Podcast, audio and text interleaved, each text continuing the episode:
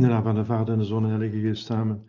Wees gegroet, Maria, vol van genade, de Heer is met u, gezegend zijt gij boven alle vrouwen en gezegend is de vrucht van uw lichaam, Jezus.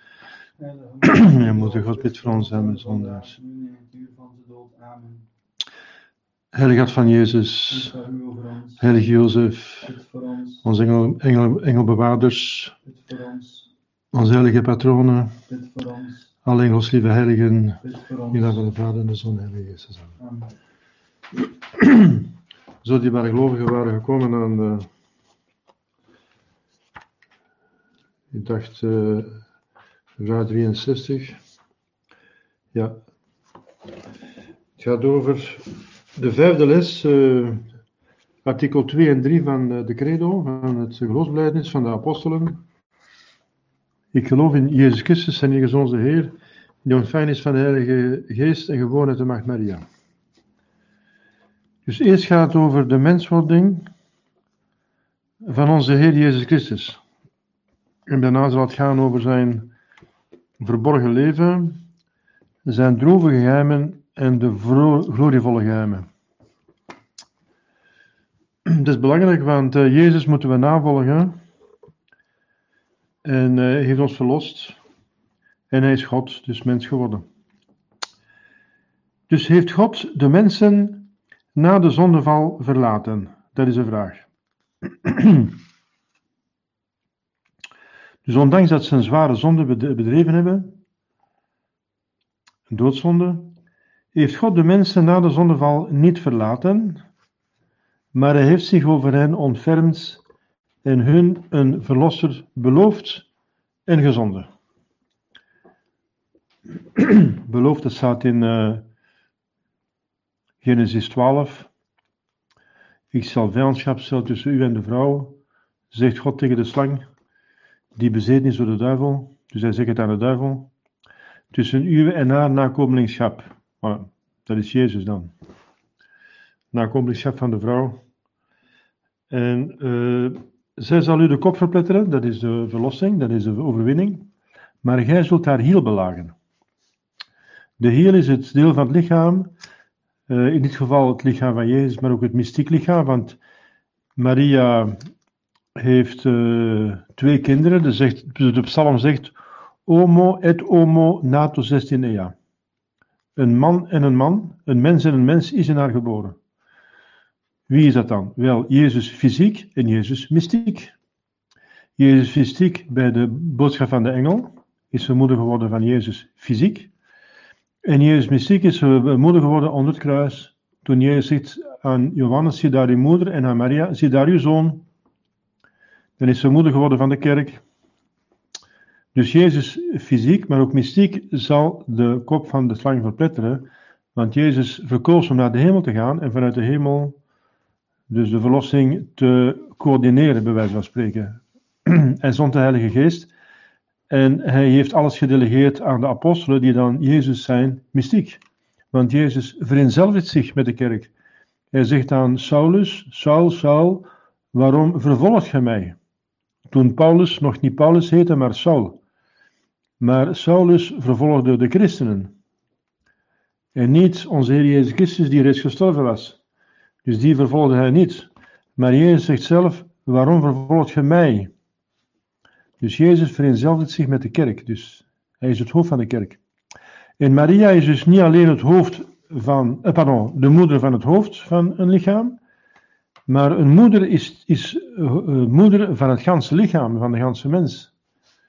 Dus als Maria moeder is van het hoofd van het mystiek lichaam, is ze ook moeder van het ganse mystiek lichaam, van alle leden, dus van ons. Dat is een tweede argument waarom dat Maria onze moeder is. Het eerste argument is, het eerste argument, omdat Jezus gezegd heeft, zie daar uw zoon, en Johannes vertegenwoordigde volgens de kerkvaders de ganse kerk. En het tweede argument is dat je, als je moeder bent van een kind, zet je niet alleen moeder van het hoofd. Hè? Maria is de moeder van het hoofd van het mystiek lichaam, dus ook van al de andere leden, dus van ons. Is zij de gezegende moeder en de goede, liefdevolle moeder. Dus hij heeft hun een verlosser beloofd en gezonden na, na 4000 tot 5000 jaar. Dus Volgens de geslachtslijst moet er ongeveer 4000 jaar geweest zijn. Eh, twee eh, à 3000 jaar na eh, Adam komt Abraham. Dus Abraham komt 2000 jaar voor Christus. David is 1000 jaar voor Christus. En dan heb je onze Heer Jezus Christus, die dan komt in het begin van onze tijdrekening. Dus 4.000, 5.000 jaar later. En nu zijn we 2000 jaar later. 2000 jaar later, dus eh, ja. En we zijn nog niet aan het einde van de wereld. Want eh, ook al zijn we in apocalyptische tijden, het mystiek lichaam van Jezus blijft voortbestaan, met de belofte van die overwinning, maar ook met eh, de waarschuwing, de duivel zal haar hiel belagen, zijn hiel belagen, uw hiel belagen. De hiel van de vrouw, eh, dat wil zeggen, Maria vertegenwoordigt aan de kerk ook, want zij is, eh, als Jezus het hoofd is, is, eh, is Maria de hals, zegt Bernardus. Dus Maria is de hals eh, van de kerk, van het mystiek lichaam. Dus zij is een verbinding tussen het hoofd en ons. Zij is de milares van alle genade. Dus zij staat tussen het hoofd en ons, dus zij is de hals. Dus dat is ook een, een beeld dat Bernardus gebruikt. Zal ehm, de hiel belagen. Wil je- dat is waarmee het lichaam de grond raakt, dus het materiële, de wereld. Dus een duivel zal onze hiel, de, de hiel belagen, dat wil zeggen ons belagen, het mystiek lichaam van Jezus, in de hiel, dat wil zeggen in onze materiële eh, elementen. Dus het bezittingen, maar ook ons, ons lichaam, onze gezondheid, eh, al wat we op natuurlijk vlak hebben. Hm? Ja, er is daar een lamp kapot achter mij, dus je moet niet opletten. Ik kan die niet uitdoen, want die is verbonden. Ofwel kunt je het licht uitdoen, hier, alsjeblieft. Misschien gemakkelijk, want die licht is aan eh, het knipperen daar. Is een- Ja, voilà, dat gaat ook wel. Of niet? Blijkbaar niet, ja, goed. Laat dat maar knipperen. Ik kan het nu niet uitdoen, dat kan geen kwaad. Ehm, wie is deze verlosser? Deze verlosser is God de Zoon, dus de tweede persoon van de drievuldigheid, die voor ons mens geworden is. En dat is onze Heer Jezus Christus.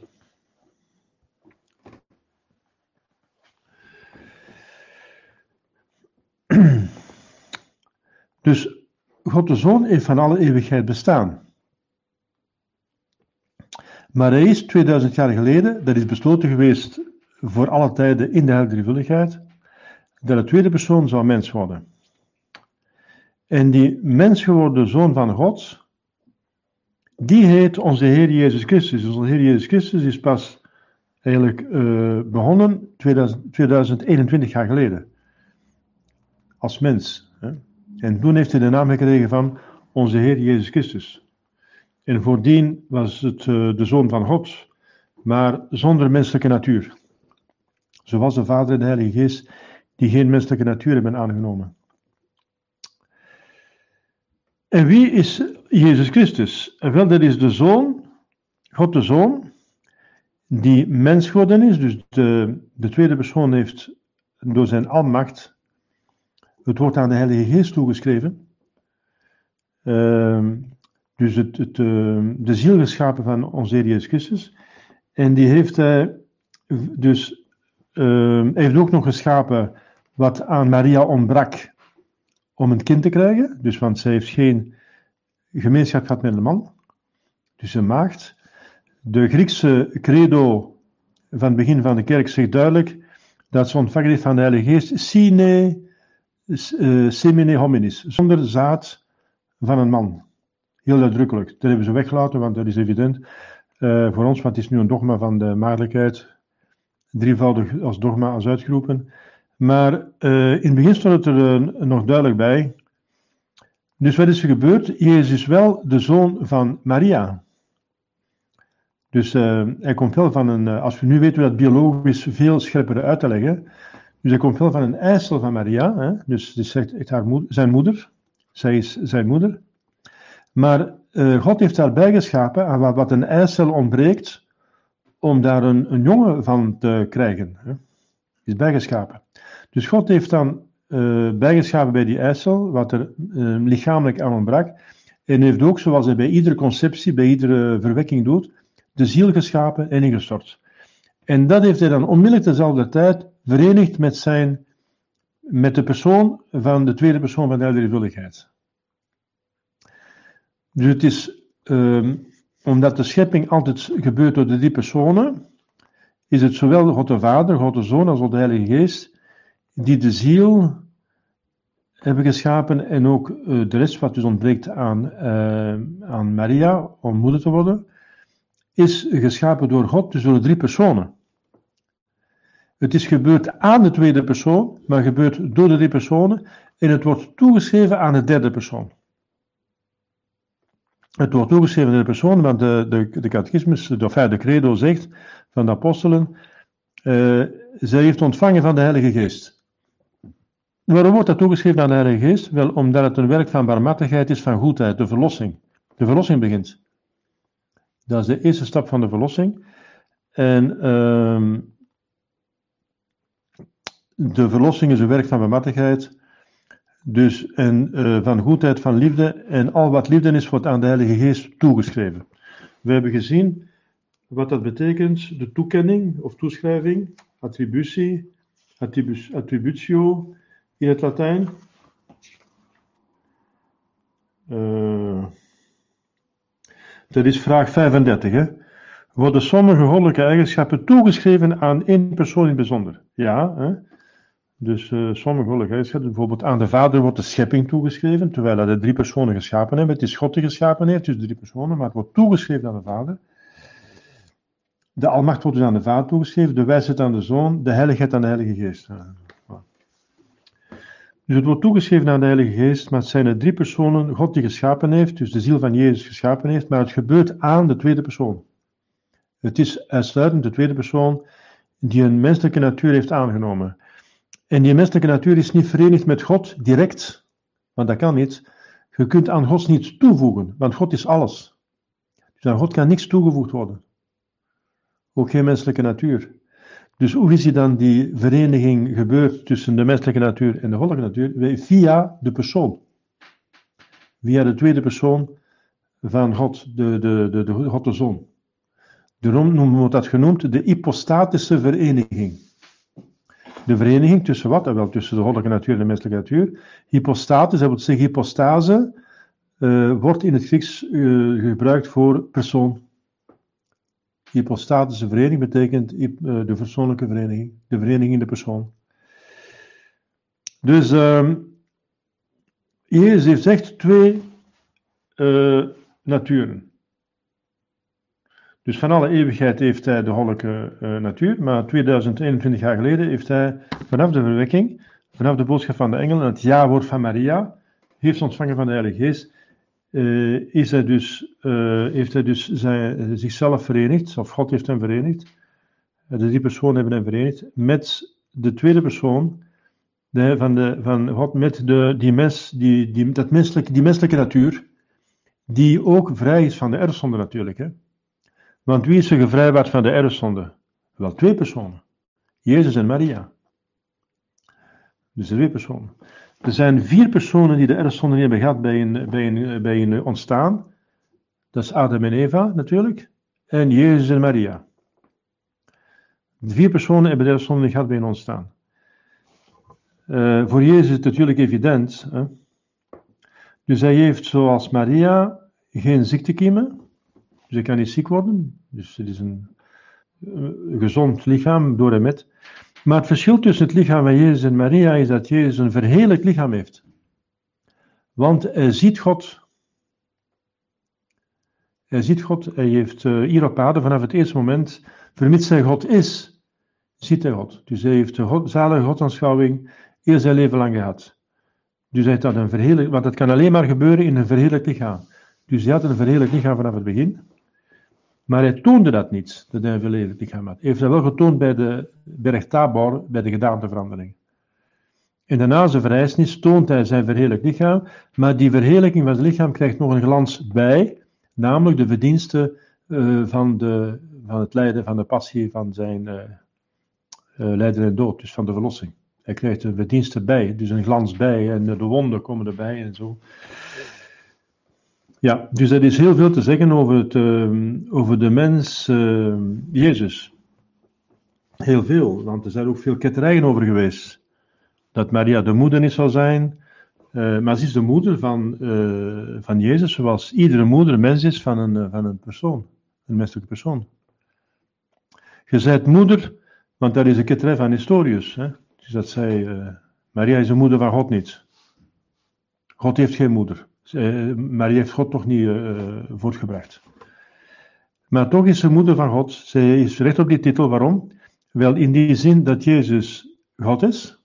Die persoon is God. Wel die persoon, dat is een persoon uh, uh, die in die menselijke natuur zit. Dus wat is het verschil tussen Jezus en ons? Wel, wel, er zijn verschillen. Hij heeft de erfzonde niet, dat hebben we juist gezien. Maar hij heeft ook geen menselijke persoon. Heeft wel een menselijke natuur, dus heeft wel een menselijke lichaam, een menselijke ziel, een menselijk verstand, geheugen en een menselijke wil. Dus heeft twee willen. Een goddelijke wil en een menselijke wil. Heeft twee verstanden. Een goddelijke verstand als God en als mens menselijke verstand. Een goddelijk geheugen en een menselijk geheugen. Dus dat heeft het allemaal. Maar heeft geen menselijke persoon. Dat is het verschil met ons. Wij zijn allemaal menselijke personen, maar Jezus heeft geen menselijke persoon. Want het is de goddelijke persoon die die menselijke natuur, lichaam en ziel heeft aangenomen. Er zijn allerlei ketterijen geweest dat hij geen ziel zou hebben, alleen maar een lichaam. Dat hij maar, dat hij maar één wil zou hebben, een goddelijke wil en geen menselijke wil. Allerlei ketterijen die veroordeeld zijn. Hij is echt mens geworden. Dus hij heeft een mens, en een mens bestaat uit lichaam en ziel. En, een ziel heeft verstand, en wil, dus hij heeft een menselijke wil. Het bewijsje dat hij zegt op het, um, uh, in, de, in de Of van Olijven: Vader, niet mijn wil, maar uw wil geschieden. Dat wil zeggen, onderwerpt zijn menselijke wil altijd aan de wil van God. Dus heeft twee willen, maar moreel zijn ze één. Dat wil zeggen, zijn menselijke wil is altijd onderworpen aan die van God. Hm? Dat wel, maar heeft toch een menselijke wil. Um, dus er is heel veel te zeggen over Jezus en veel. Ja, ik was mee bezig met Maria, dus dat zij de moeder van God is. Wanneer is iemand moeder? Iemand is moeder wanneer zij dus uh, biologisch gesproken, dus een eicel te beschikking stelt. Uh, normaal is het met een man, hè? Uh, maar in ieder geval dus van de moeder uit is het een eicel. verwekt wordt in een huwelijk. Maria was gehuwd, hè, dus met Jozef. En zij heeft dus een, een eicel te beschikking gesteld. Enfin, dus ze ja woord gegeven, inderdaad, om moeder te worden. En ehm, dan door een mirakel van God is dus dat lichaam, dus, enfin, die eicel is, heeft dan dus materie bijgekregen uh, om daar een, jongen van te maken, Jezus. Hè. En uh, de ziel is geschapen geweest, zoals we zeggen. Uh, en dat gebeurt er bij iedere moeder. Iedere wanneer is iemand moeder, wanneer wel eens een eicel, normaal gebeurt dat met een man, maar de zij brengt de eicel aan. En de ziel wordt altijd door God ingestort, bij iedere verwekking. Uh, dus de geest komt altijd van God. Wat van de moeder komt, is het uh, materiële. En van de vader, maar in dit geval was er geen vader. Dus je zijt moeder van een persoon, van als je uh, de materie die je aanbrengt, van u komt. Dat het uw eicel is. En bovendien draagt je dat kind in uw schoot. Dat is bij Jezus ook gebeurd. En gaat het voeden, hè, als het geboren is. dat heeft Maria ook gedaan. Borstvoeding gegeven. En ze heeft hem gevoed en opgevoed. Dus ze heeft alles gedaan wat een moeder doet. Ze heeft alles van de moeder. Er is niks wat ze niet heeft van de moeder. Wel, zij is dus moeder van Jezus en die Jezus, die persoon is God. Dat is een goddelijke persoon, dat is geen menselijke persoon. Dus zij is moeder van God. Zoals uh, bijvoorbeeld uh, mevrouw Jansen, moeder is van haar zoon Jeff Jansen. Maria Jansen is moeder van Jeff Jansen. Zoals mevrouw Maria Peters is, eh, is moeder van, uh, van uh, Paul Peters, haar zoon. Dat is, dat is, ze is moeder van die persoon, omdat zij dus uh, IJssel heeft aangebracht. ze heeft hem gedaan in haar schoot, gevoed en opgevoed en alles. Dus zij is moeder, volledig moeder, 100%. en vermis dat die persoon God is, is zij moeder van God. Dus die titel is volledig terecht. Dus zij is niet moeder van de goddelijke natuur van Jezus. Dat weten we nu ook wel.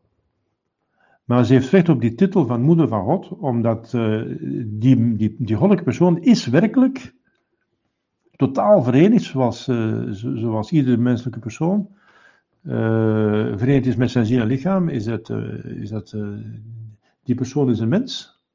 Zo, zozeer als hij God is, hij ook mens.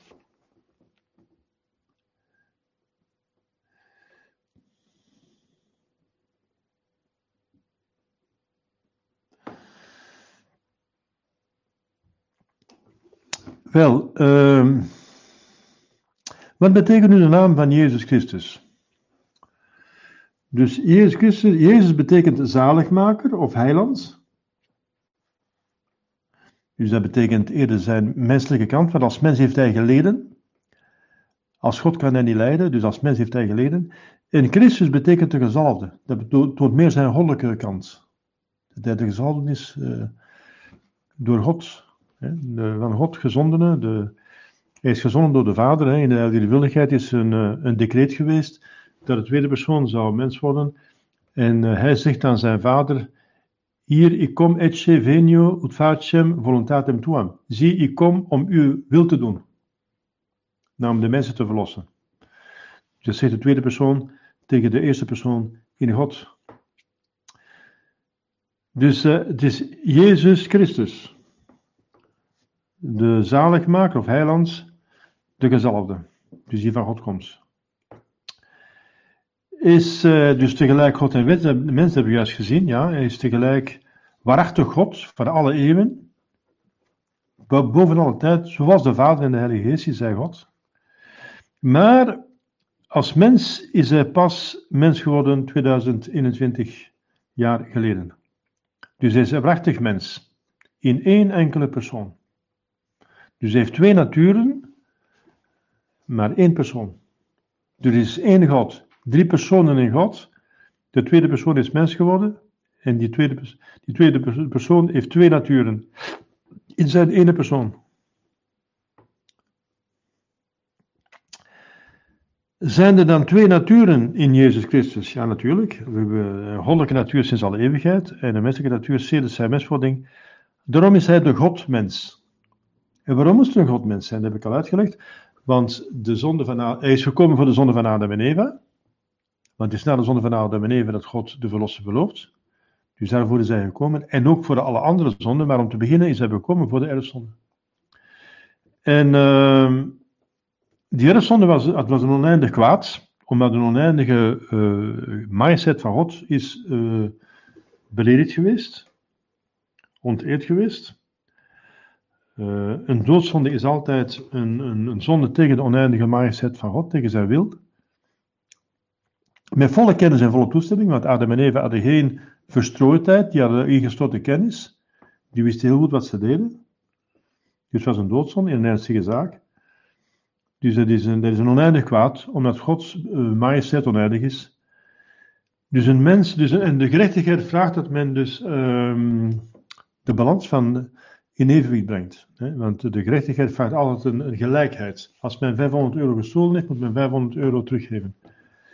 Wel, een oneindig kwaad is geschied, dus een oneindig goed alleen kan het in evenwicht brengen. En dit is geen oneindig goed in een mens. Dus daarom zegt Sint uh, Paulus, als geef ik mijn lichaam om te worden verbrand en ik heb Jezus niet, ik heb de liefde niet van Jezus, de staat van genade, het dient mij tot niets. Niemand, geen enkele godsdienst kan de relatie met God herstellen. Geen enkele godsdienst, niemand. Niemand kan dat. Alleen de Godmens. Waarom?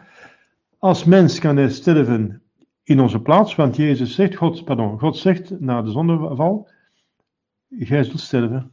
Want hij zegt voor de zondeval, als je van die vrucht eet, zult je sterven. Dus een mens heeft gezondigd en een mens moet sterven. Dus Jezus sterft in onze plaats. En als mens alleen kan hij, dus hij moet mens zijn om te kunnen sterven. Om, om de, de, op te nemen op zich, in, in naam van de mensen. En uh, als God heeft hij een oneindige verdiensten. Gaat hij juist die uh, weegschaal brengen. Zijn persoon is een goddelijke persoon, dus zijn waardigheid is oneindig. Dus de waarde van zijn lijden, als het kwaad oneindig is, hij brengt het in evenwicht. Dus als, als God heeft hij, als goddelijke persoon heeft hij een eindige waarde. En omdat hij een menselijke natuur heeft, kan hij in onze plaats sterven. Dus de enige oplossing om die verhouding tussen God en de mensen in orde te maken, was een godmens.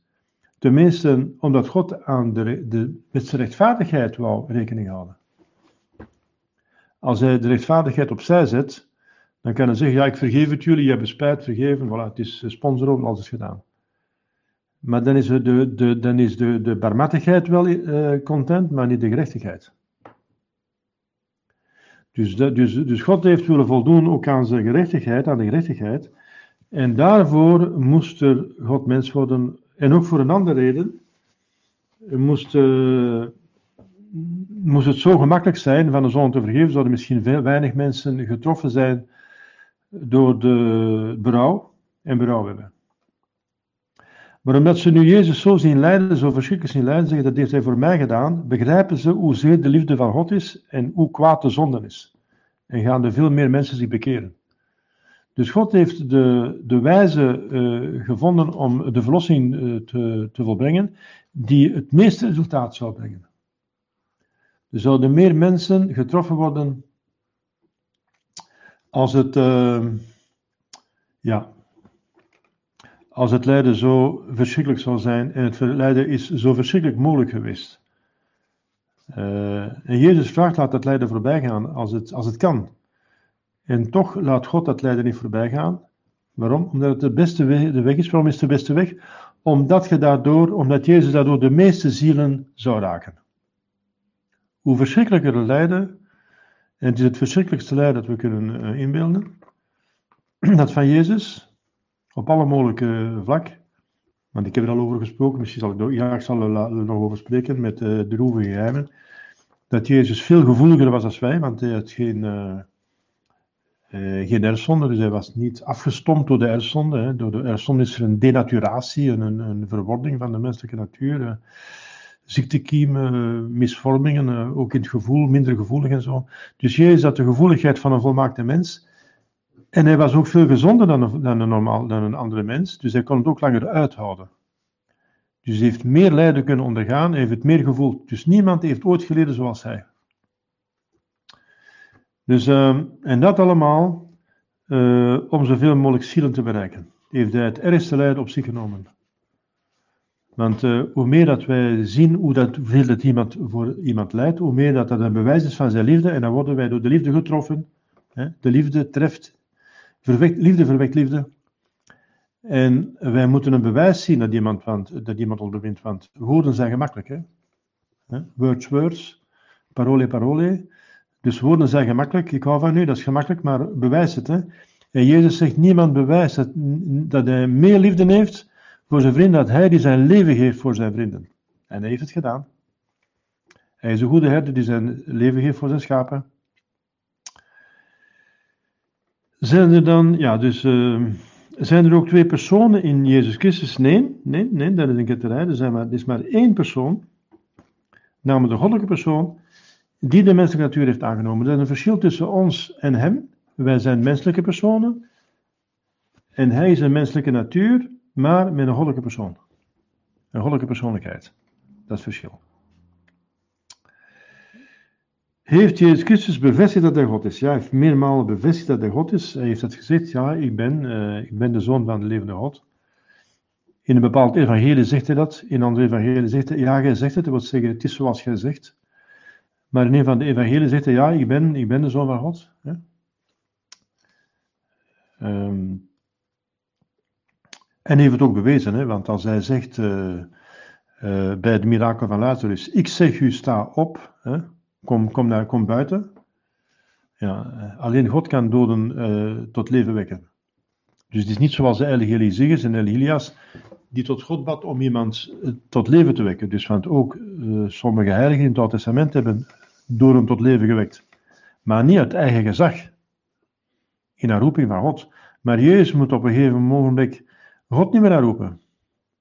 Hij zegt, ik zeg u, sta op, hè, talita kumi zegt hij tegen uh, uh, verschillende mensen. Dus de, de, de jongeling van Naim heeft hij tot leven gewekt. de dochter van Jairus, hè, Kumi, dat is het dochtertje van Jairus dat dood was. wekte tot leven, Lazarus wekte tot leven. En met zijn, met zijn eigen zeg. Ik zeg u, sta op. Hè. Kom uit, Lazarus, kom uit het graf, hè, tevoorschijn. En hij stonk al, zei, ze- zei Martha. Dus ja, Jan het. Ze zegt ja, we willen het graf wel openmaken voor u, Jezus, maar eh, hij ruikt al. Hè, dus dat ging vlug in die, in die, eh, in die strik. Er was, veel warmte. Maar Jezus heeft speciaal getalmd om naar Lazarus te gaan. Om zijn mirakel te laten uitkomen. Dus om goed te laten eh, verstaan. Dus hij wou dat het stonk, bij wijze van spreken. Als bewijs dat Lazarus echt dood was. Maar ze kunnen zeggen, ja, hij is maar schijndood geweest. Maar als het lichaam in, in ontbinding is, ja, dan is er van schijndood geen sprake meer.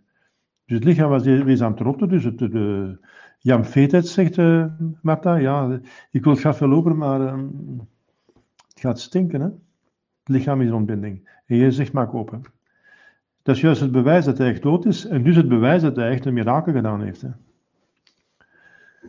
En daardoor komt dan uh, die grote inkocht in Jeruzalem nadien, een paar dagen nadien, in, uh, wordt hij uh, ingehaald als koning met Palmezondag. Omdat die, het was juist het feest met Pasen, waren heel veel Joden in Jeruzalem en veel Joden kenden Lazarus, dat was een heel bekende personage. En het was dus gekend in Jeruzalem dat, dat de Lazarus dan verrezen was. Ja, hier is natuurlijk een vraag nog van de vorige les. Ik ga daar straks op antwoorden. Op het einde van de. Want anders gaan we uit het onderwerp. Dus ik ga daar straks op antwoorden over die kinderen.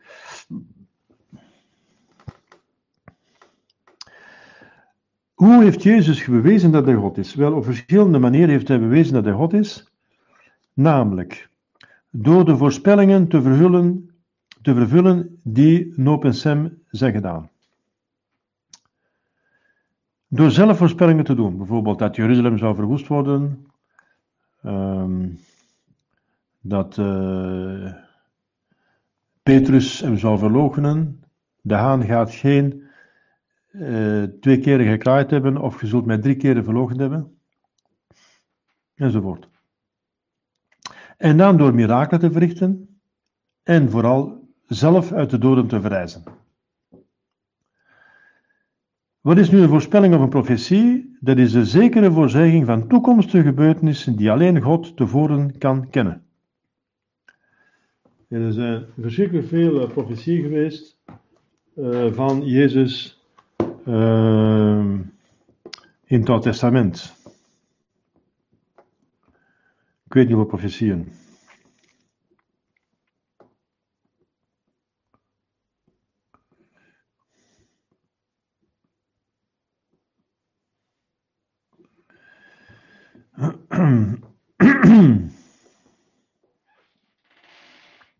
Ik, ik, heb er hier 33 of 44 bij gezien, maar er zijn er veel meer dan dat.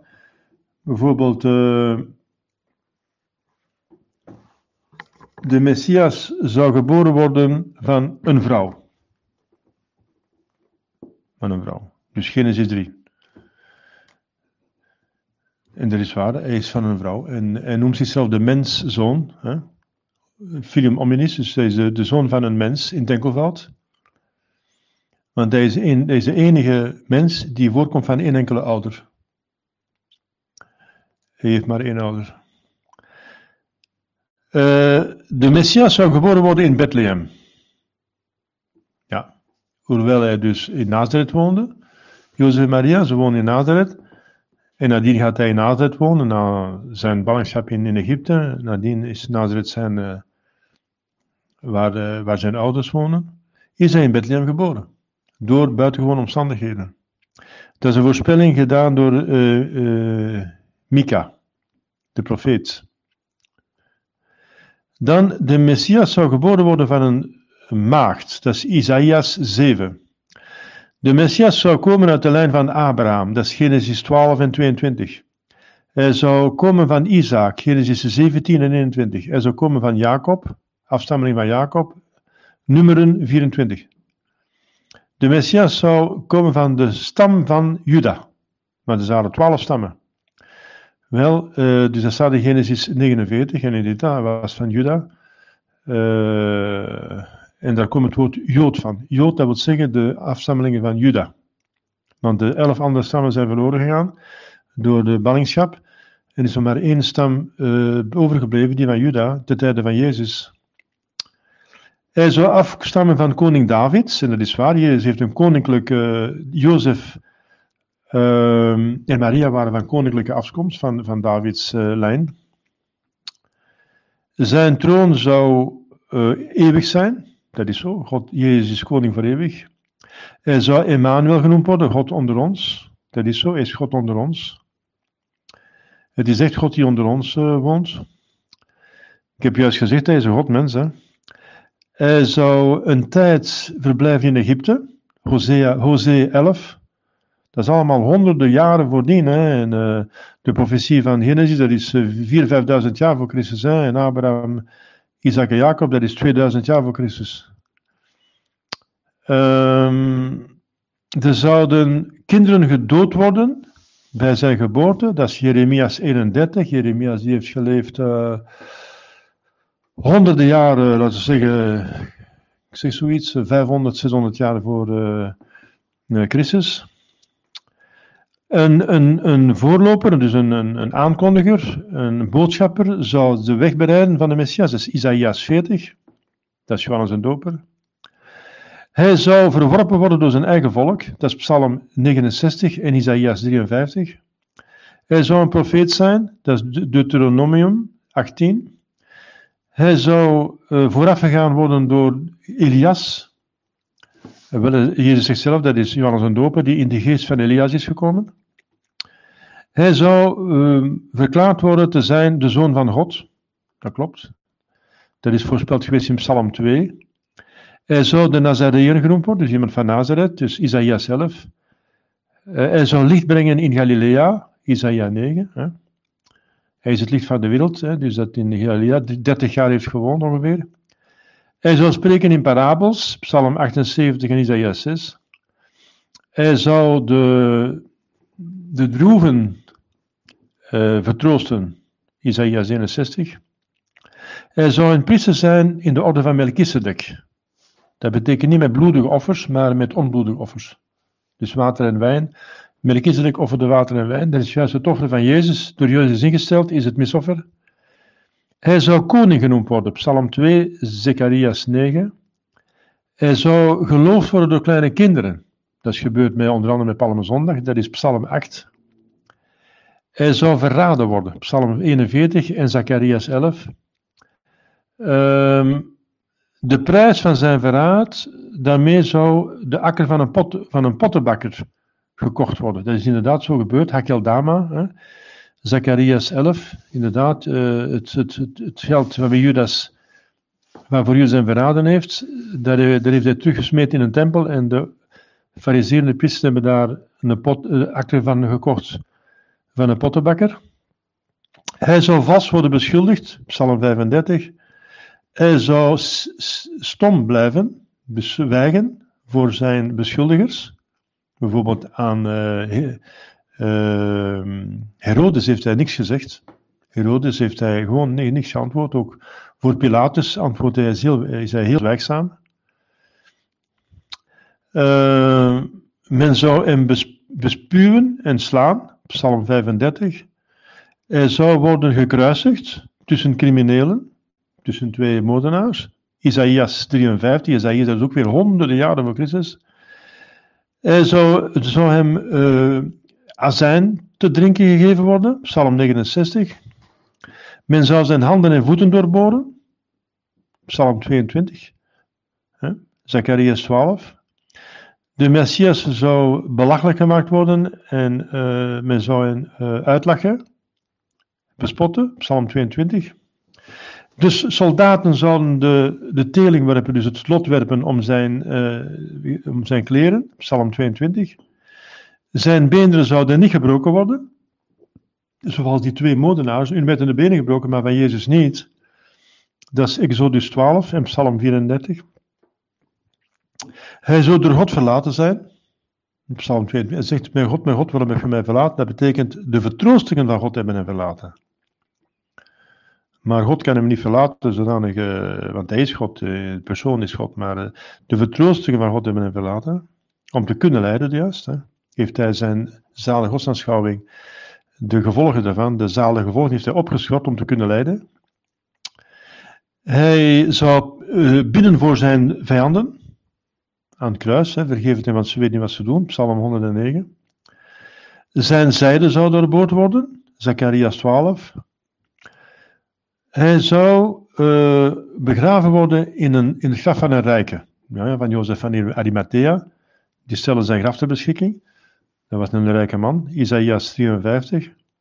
Hij zou uit de doden opstaan. Psalm 16 en 49. Hij zou ten hemel opklimmen. Psalm 24. Hij zou zitten aan de rechterhand van God. Psalm 68, 110. En uh, hij zou uh, zich uh, dus opofferen voor onze zonden. Er zijn 44 profetieën, er zijn er veel meer, maar alleen, dus, daar kun je al mee beginnen. Hè. Dus die profetieën zijn allemaal letterlijk toegepast op onze Heer Jezus Christus. Dus daarmee heeft hij bewezen dat hij werkelijk de Messias is. maar ook door de mirakelen uh, en door zelf voorspellingen te doen. Wat is een mirakel? Dat is een buitengewoon en wonderbaar feit dat alle krachten, de natuurlijke krachten van de schepselen te boven gaat en alleen door een bijzondere tussenkomst van God kan geschieden. En dat gebeurt meestal in een, een religieuze context. Uh, hè, dus dat gebeurt alleen maar in de ware kerk bijvoorbeeld.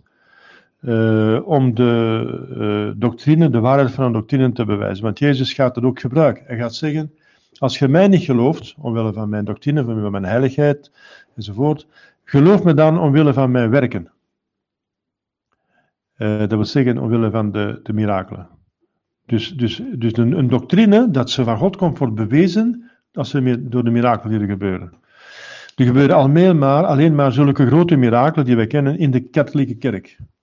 Er bestaan niet zulke mirakelen zoals in Lourdes gebeuren in, bij de protestanten, niet bij de boeddhisten, niet bij de hindoes, niet bij de islam, nergens. Gebeuren die mirakelen. Dus dat, gebeurt, dat is een van de kentekenen van de ware kerk. Van dat Jezus, dat God daar uh, aanwezig is. Mirakelen. Dus dat is, uh. Want de ware kerk heeft dus vier inwendige kenmerken. één heilig, katholiek en. En twee uitwendige kenmerken, profetieën en mirakelen. En daar, kan men dus uh, kennen dat God bezig is. Dat de kerk van God is. Waarom is God de mens, God de zoon mens geworden? Wel, hij is mens geworden om de mensen te verlossen. Qui propter nostam salutem descenite celis. Hij is neergedaald uh, omwille van onze, ons heil, neergedaald. Om, om de mensen te verlossen van hun zonden. En om hun het leven van de genade, de vriendschap van God en het recht op de hemel terug te schenken. Om te verlossen van de zonde. Dus hij heeft de prijs willen betalen van de zonde. En hij heeft ook het voorbeeld gegeven van hoe men moet leven. 30 jaar heeft hij het voorbeeld gegeven uh, van een gewoon normaal leven. En drie, jaar van een leven van een uh, priester, bischop, uh, apostel. Dus van iemand die heeft een seminarie gedaan, heeft apostelen opgeleid tot het bischopsambt. Priesters opgeleid. en de, de, de, drie laatste dagen heeft hij geleden. Heeft hij de verlossing volledig volbracht. Is de heilige maagd Maria werkelijk de moeder van God? Daar hebben we over gesproken daar straks. Hè? Ja, omdat haar zoon Jezus Christus God is.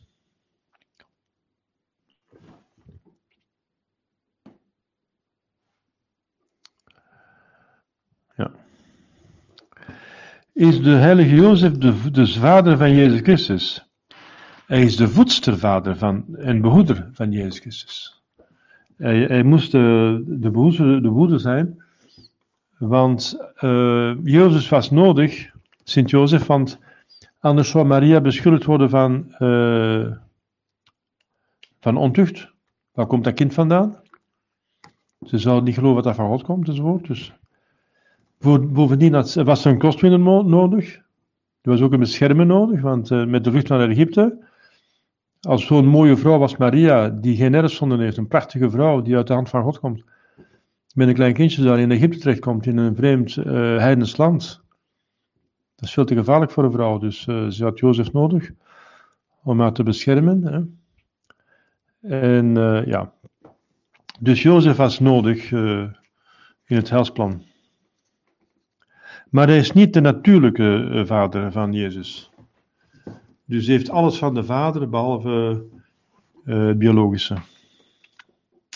Wanneer vieren wij dan de geboorte van onze Heer Jezus Christus? Wel, wij vieren dat met kerstmis. Nu zijn hier vragen. De vraag die eh, onmiddellijk betrekking heeft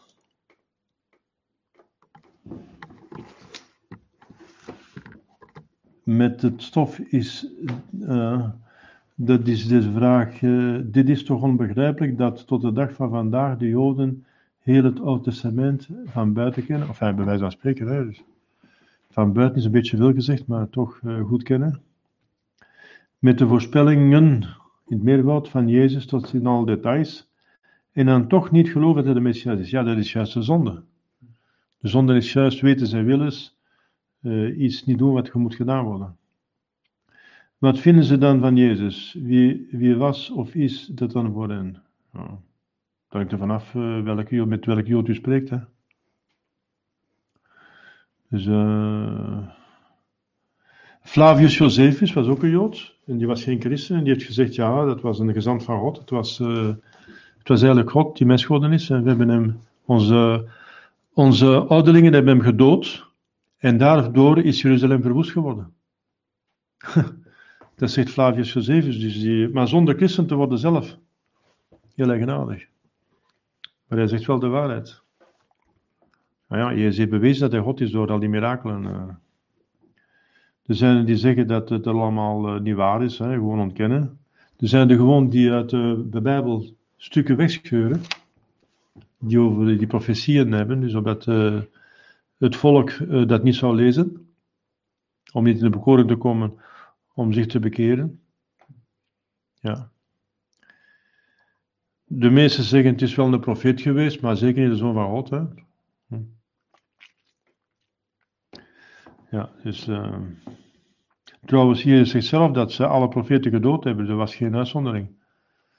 Jezus zegt zelf: jullie zijn profetendoders. Ze hebben alle profeten omgebracht. Jeremias werd ook gedood. eh Isaïas die werd eh, in het midden gezaagd, door het midden gezaagd. Door, door, door het uitverkoren volk.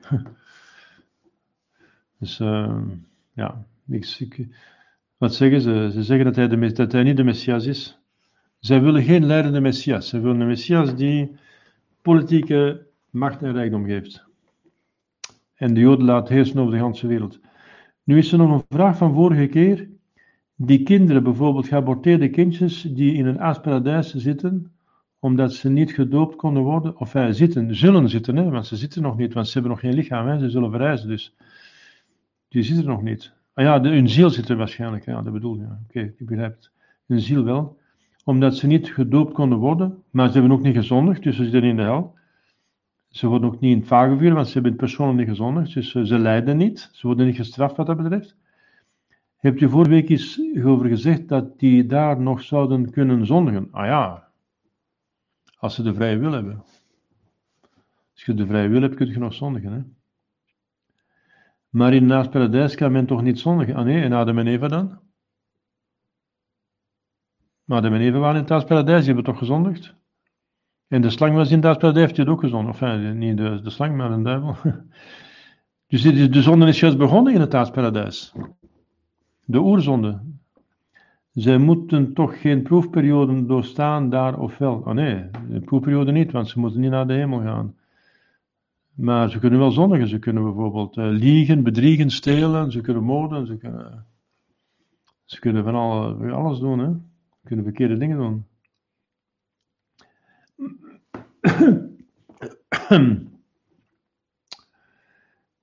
Ehm, ja.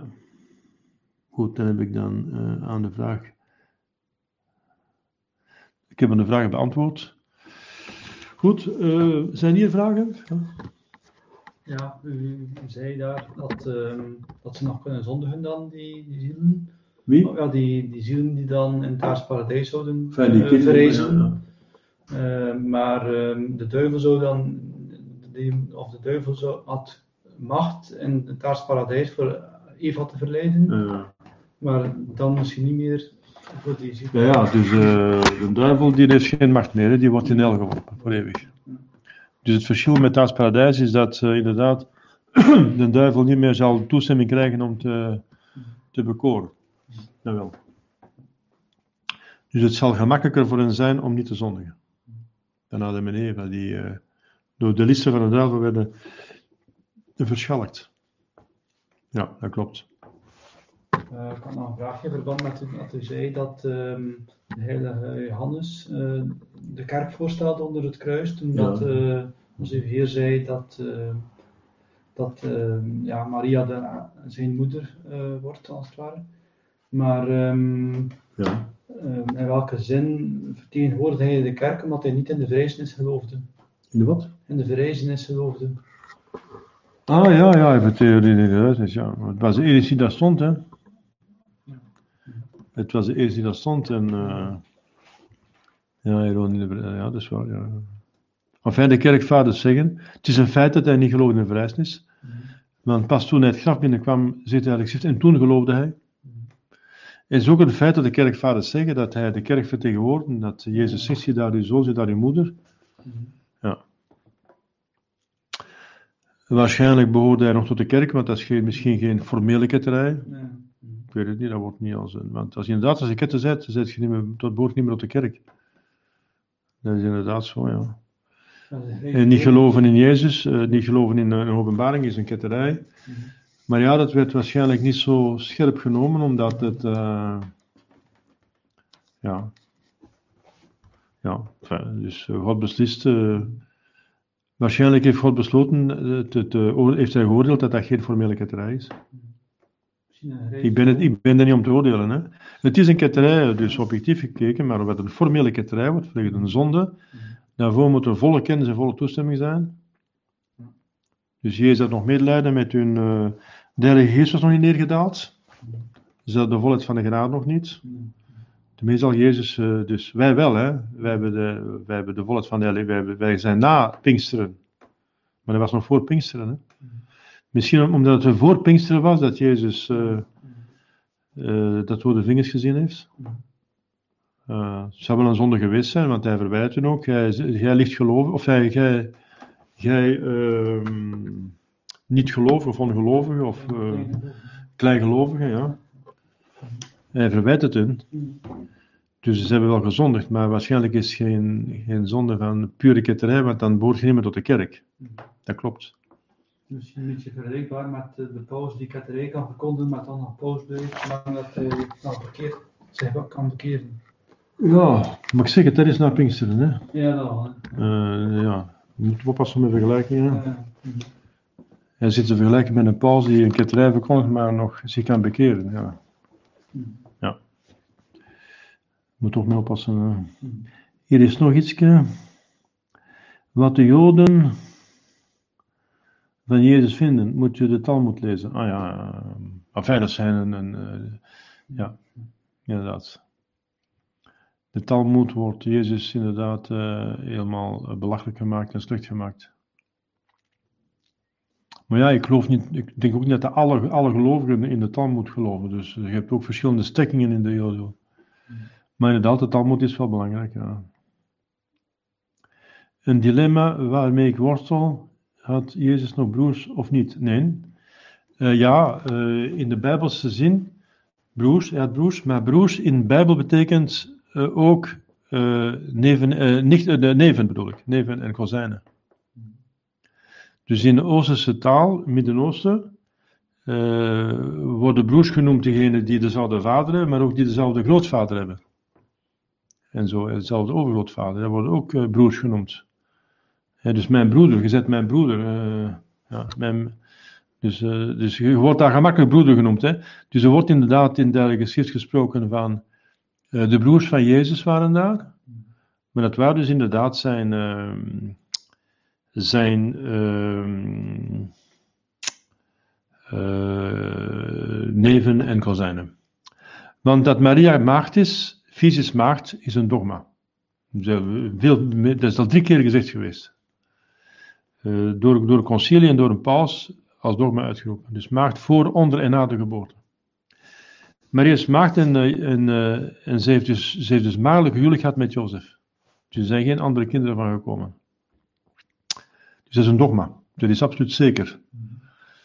Dus er wordt inderdaad van broers gesproken, maar dat, is, dus, betekent dus duidelijk de neven en de kozijnen. Maria had dus geen andere kinderen.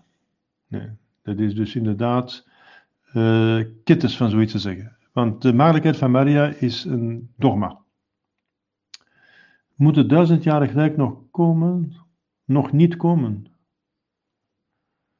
met, met de Satan en de Antichrist opgesloten in de hel. Daarna zal de Satan terug losgelaten worden. Ja, um, er zijn verschillende interpretaties, dat komt van de Apocalyps. Er zijn een aantal kerkvaders die zeggen dat het duizend jaar rijk al heeft plaatsgevonden. Namelijk dat Jezus op aarde heeft geregeerd, duizend jaar heeft hij geregeerd. In het waren de middeleeuwen. Dus voor de middeleeuwen was er drie eeuwen vervolging, dat, werd, dat niet op aarde, maar vanaf de vijfde eeuw tot de vijftiende eeuw, wat je de middeleeuwen is ongeveer duizend jaar, heeft Jezus op aarde geregeerd. Er zijn er die zeggen dat een duizendjarig rijk nog moet komen, maar in ieder geval, uh, de wederkomst van Christus, fysisch, uh, dat is maar één keer. Het is op het einde van de wereld om te oordelen, levenden en doden. Hij komt niet fysisch terug op een andere manier, maar hij komt voortdurend geestelijk terug. Bijvoorbeeld, uh, bij ieder doopsel komt hij op aarde in een ziel. Bij ieder, ieder mens die de stad van genade terugkrijgt, komt hij terug. Bij, uh, bij, wanneer het trek gaat komen na, na deze grote geloofsafvallige tijd, komt er een tijd dat, je, dat, dat Jezus zal heersen op aarde. Dat wil zeggen, zoals in de middeleeuwen, dat Jezus zal erkend worden door alle, door alle de meesten in ieder geval. De Joden nog niet, want die gaan zich pas bekeren als Elias en Enoch gaan terugkomen. De Joden gaan zich bekeren door, door volgens veel profetieën door Elias. Dus voordat Elias komt, en Elias komt pas als de antichrist er is. Dus Joden gaan zich op het einde pas bekeren, maar de meeste volkeren gaan zich bekeren, gaan zich bekeren. Nou, niet, zo niet allemaal. Zelfs de islam, dat is voorspeld door Hildegard van Bingen en nog veel heiligen. Iedereen zal zich uiteindelijk bekeren. En uh, dat is het rijk van Jezus door Maria, dat ook door Fatima is voorspeld en door zoveel voorspellingen. En dan zou Jezus terug op aarde regeren, zoals in de middeleeuwen. Dan heb je terug een christenheid. Het christendom bestaat altijd, want de kerk kan niet vergaan. Maar een christenheid is als het zwaard de nieuwe staat van het kruis. Als een autoriteit, politieke autoriteit, zich onderwerpt aan Jezus, dan krijg je een christenheid. En een christelijke beschaving. En, dan uh, kun je zeggen dat Jezus dan uh, regeert op aarde, een duizendjarig rijk, maar dat is eigenlijk een geestelijke uh, rijk. Dus fysisch komt hij alleen maar terug op het einde van de wereld om te oordelen leven en doden. Want hij zegt het ook, hè, de engelen zeggen, hij zal wederkomen zoals nu, maar op het einde. Als de apostelen hem zien weggaan naar de hemel. Fysisch. En wel, zo zal hij ook terugkomen, maar dan op het einde van de wereld om te oordelen leven en dood. Dus voordien komt hij niet terug dan geestelijk. Bij, dus, ja.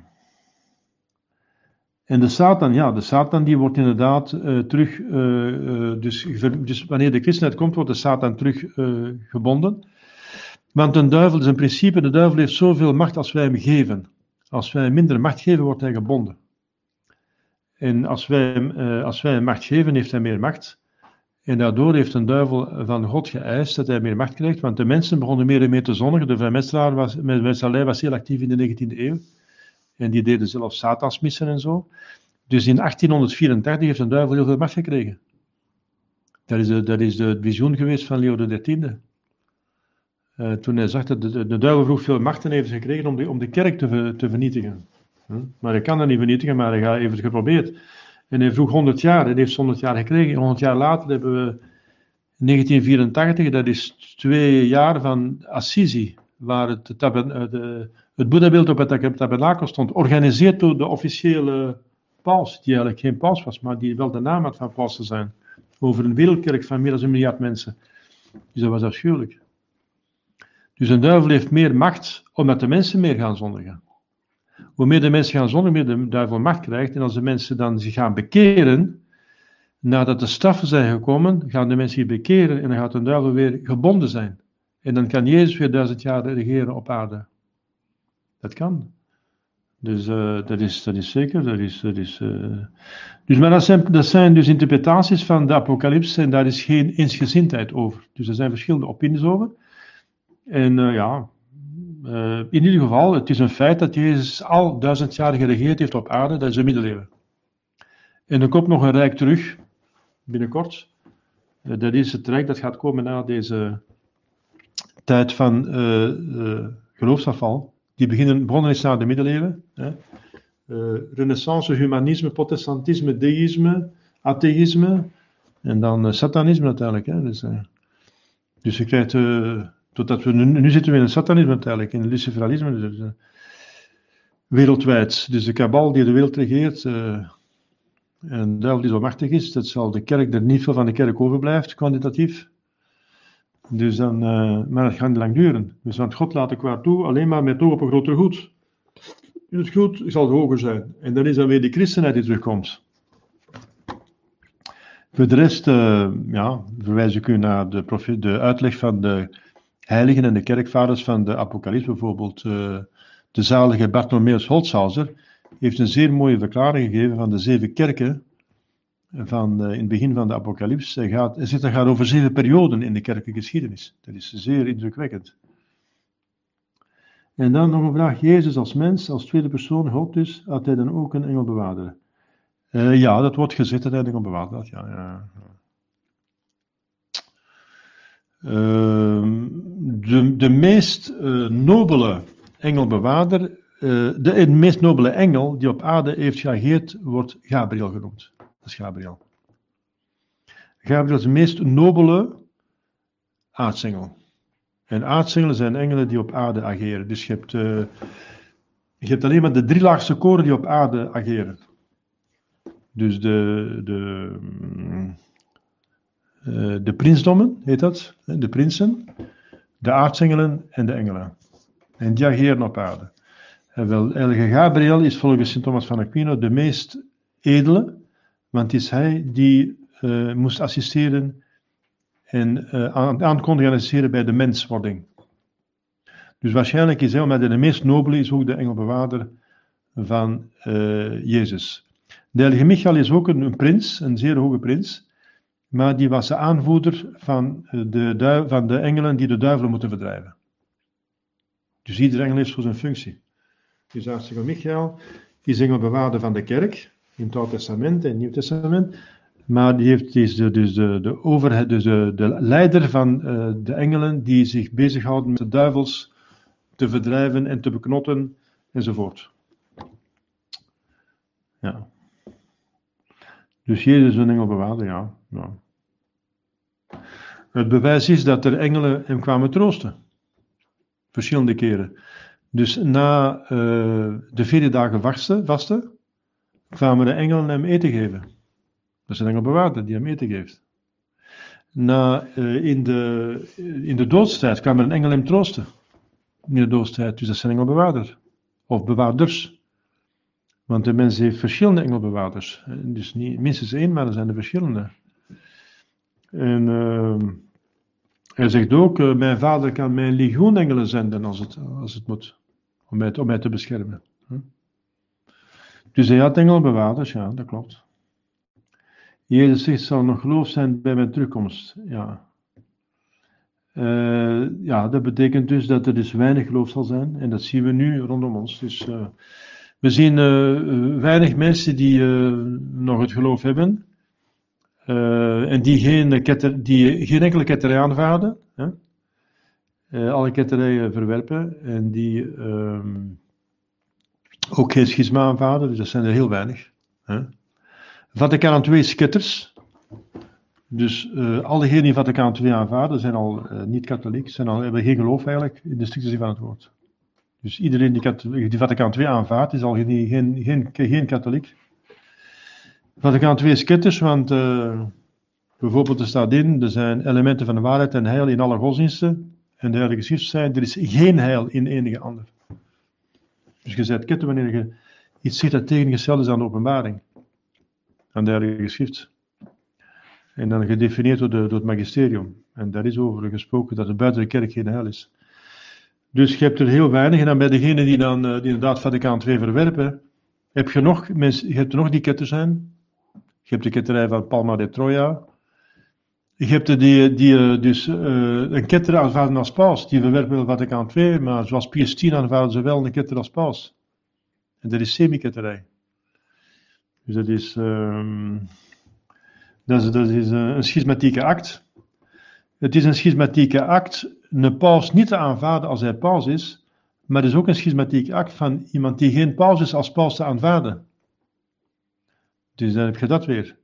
Dus ze zijn die katholiek, God weet het, maar er is, het is in ieder geval geen goede katholieken. Alle verkettes zijn geen goede katholieken, dat begrijp je wel. En uh, geloven dat een ketter paus kan zijn, dat is gewoon absurd, want de ketter staat buiten de kerk. Hoe kan iemand die buiten de kerk zijn, het hoofd zijn van de kerk? En dan aan degenen die niet geloven dat uh, uh, Franciscus paus is, zijn er nog allerlei ketters tussen. Je hebt nog feniïsten, je hebt, dus, je hebt die feniïst zijn, die, die verwerpen het doopsel van begeerte, dat door het concilie van Tenten wordt verkondigd. Je hebt veel sedevacantisten die Johannes de 23e verwerpen als paus. Terwijl het door de ganse kerk aanvaard is. Als Johannes de 23e geen paus, uh, dus, uh, geen paus is, dan heeft de ganse kerk zich vergist. Iedereen. Iedereen. 100%. Dat kan niet, want de kerk is uh, onfaalbaar. Niet alleen onfeilbaar, maar ook onfaalbaar. Dus gebrekkeloos. De kerk kan geen ernstig gebrek vertonen, kan, zich, kan, kan niet dwalen in bijvoorbeeld de kennis van haar hoofd. Dus het kan niet zijn dat. En Alphonsus van Ligori zegt het dus. En dat is ook een schismatieke daad dus van iemand uh, niet te aanvaarden die pauzes. En, dus er zijn weinig die de volledige waarheid hebben. Inderdaad, zeer weinig. Dat klopt. Dus Jezus zegt dat inderdaad, uh, dat er heel weinig uh, geloof zullen hebben. Maar uh, hoe gaat het nu beteren? Waarschijnlijk gaat het zo gebeuren. Er gaan zo'n strenge straffen komen. En die zijn nu al bezig. Of, we hebben zelf straffen gehad. We hebben de Eerste Wereldoorlog gehad, de Tweede Wereldoorlog. We hebben de Vaticaan II gehad, waar we geen paus meer hebben. Sinds 60 jaar, dat is ook een zware straf. We hebben uh, de AIDS gehad, hè, SIDA. We hebben dan de islam gehad en die is nog altijd bezig. En dan hebben we de, de COVID gehad en nu hebben we de vaccins van de COVID. Dus dus dat ze zullen zien wat dat gaat teweegbrengen. Ik heb eh, gisteren iemand gesproken in Wallonië, dat is die eigenares van het Smith-centrum, en die zei mij gisteren dat ze al drie mensen kent die, haar die ze persoonlijk kent in de omgeving, en zoveel mensen kent ze niet, dat ze mensen in de omgeving die al door, na de vaccin een paar dagen nadien gestorven zijn. Mensen in goede gezondheid, normaal gezien voordien. Die een vaccin hebben gehad en die na een paar dagen al dood zijn. Dus we zullen zien wat dat gaat geven. Hè? En daar wordt niet over gesproken hè, in de media, over die dingen. Hè. Dus, want dat is uh, niet correct. Hè, dus. dus dat is weer een, uh, een, een, plaag. Maar de mensen gaan, gaan God gaat uh, straffen geven, want er zijn vaak roepende zonden. En door die straffen gaan de mensen zo vernederd worden en zo. dan gaan ze inzien dat het straffen zijn van God. En dan gaan ze zich bekeren. En dan gaan ze dus, uh, in Frankrijk bijvoorbeeld, wordt er dan gezegd dat, er een koning wordt aangesteld. En die gaat dan veel genade krijgen. Want als de mensen zich bekeren, komt de genade terug. Als de mensen spijt hebben over zonde, komt de genade over een volk. En dan komt alles terug en zo gaat alles terug goed komen. Op die manier gaat alles terug goed komen. Dat de mensen door de straffen, het volk door de straffen zich gaan bekeren en tot God zullen keren. En zo krijgen dan de christenheid terug, dus het rijk van Jezus door Maria. Op die manier. Dus, uh, en dan komt een antik, dan, dan, gaan de mensen na 30, 40 jaar, of ik weet niet hoeveel jaar, dat ze het weer goed hebben, gaan beginnen te zondigen. Ze gaan het weer goed hebben en dan gaan ze het weer gaan zondigen en, ze, en dan gaat een duivel veel, veel macht krijgen, totdat het, het dus escaleert, tot zodanig dat uit een, uh, het Joodse volk de antichrist zal voorkomen. En die gaat weer veel, veel slecht doen, die gaat mirakelen doen, uh, met veel mensen proberen te, te, te verleiden. En dan komt Elias terug en nee nog die God zal zeggen om juist een tegengewicht te vormen tegen de uh, antichrist. En die gaan dus de Joden bekeren en eh, veel mensen eh, dus eh, katholiek houden. Maar uiteindelijk zal God toelaten dat ze de marteldood sterven. En dan gaat een antichrist eh, zichzelf verheerlijken. En zelfs tot in de lucht laten verheffen door een duivel. En dan gaat hij door God, Jezus, neergebliksemd worden. En dat het einde van de wereld. Voilà. Dat is een beetje zo het scenario van eh, de meeste profetieën die voor het concilie door heiligen zijn gebeurd. Dat is grosso modo een scenario dat je kunt ook overeenkomt met de apocalyps. Ja, dus dat is. eh. Zijn er geen vragen meer over de les van vandaag? Dus eh, de menswording en zo. Nog andere vragen? Alles is klaar. Hier ook niet. Goed. Ik denk dat ik op alle vragen beantwoord heb, ook hier eh, geantwoord heb. Goed. Dan. ehm niks. Oké. ja, je moet geen vragen gaan zoeken, hè, dus dat is ook niet nodig. Dus eh, dat is ook niet nodig. Goed, als alles klaar is, dan, eh, dan stoppen we en dan nemen we een afspraak de volgende keer. Dus als God belieft, volgende vrijdag. Dank u wel. In de naam van de Vader en de Zoon en de Heilige Geest. Amen. Wees gegroet, Maria, van genade, de Heer is met u gezegend. Zet gij boven alle vrouwen en gezegend is de vrucht van het lichaam, Jezus. Heilige Maria, moeder Gods, bid voor ons arme zondaars, nu en onze dood. Amen. Heilige Hart van Jezus, ons. Heilige Jozef, Bid voor ons, heilige bewaarders, dus heilige ehm, patronen, niet voor ons. In de naam van de Vader en de Zoon en de Heilige Geest. Amen.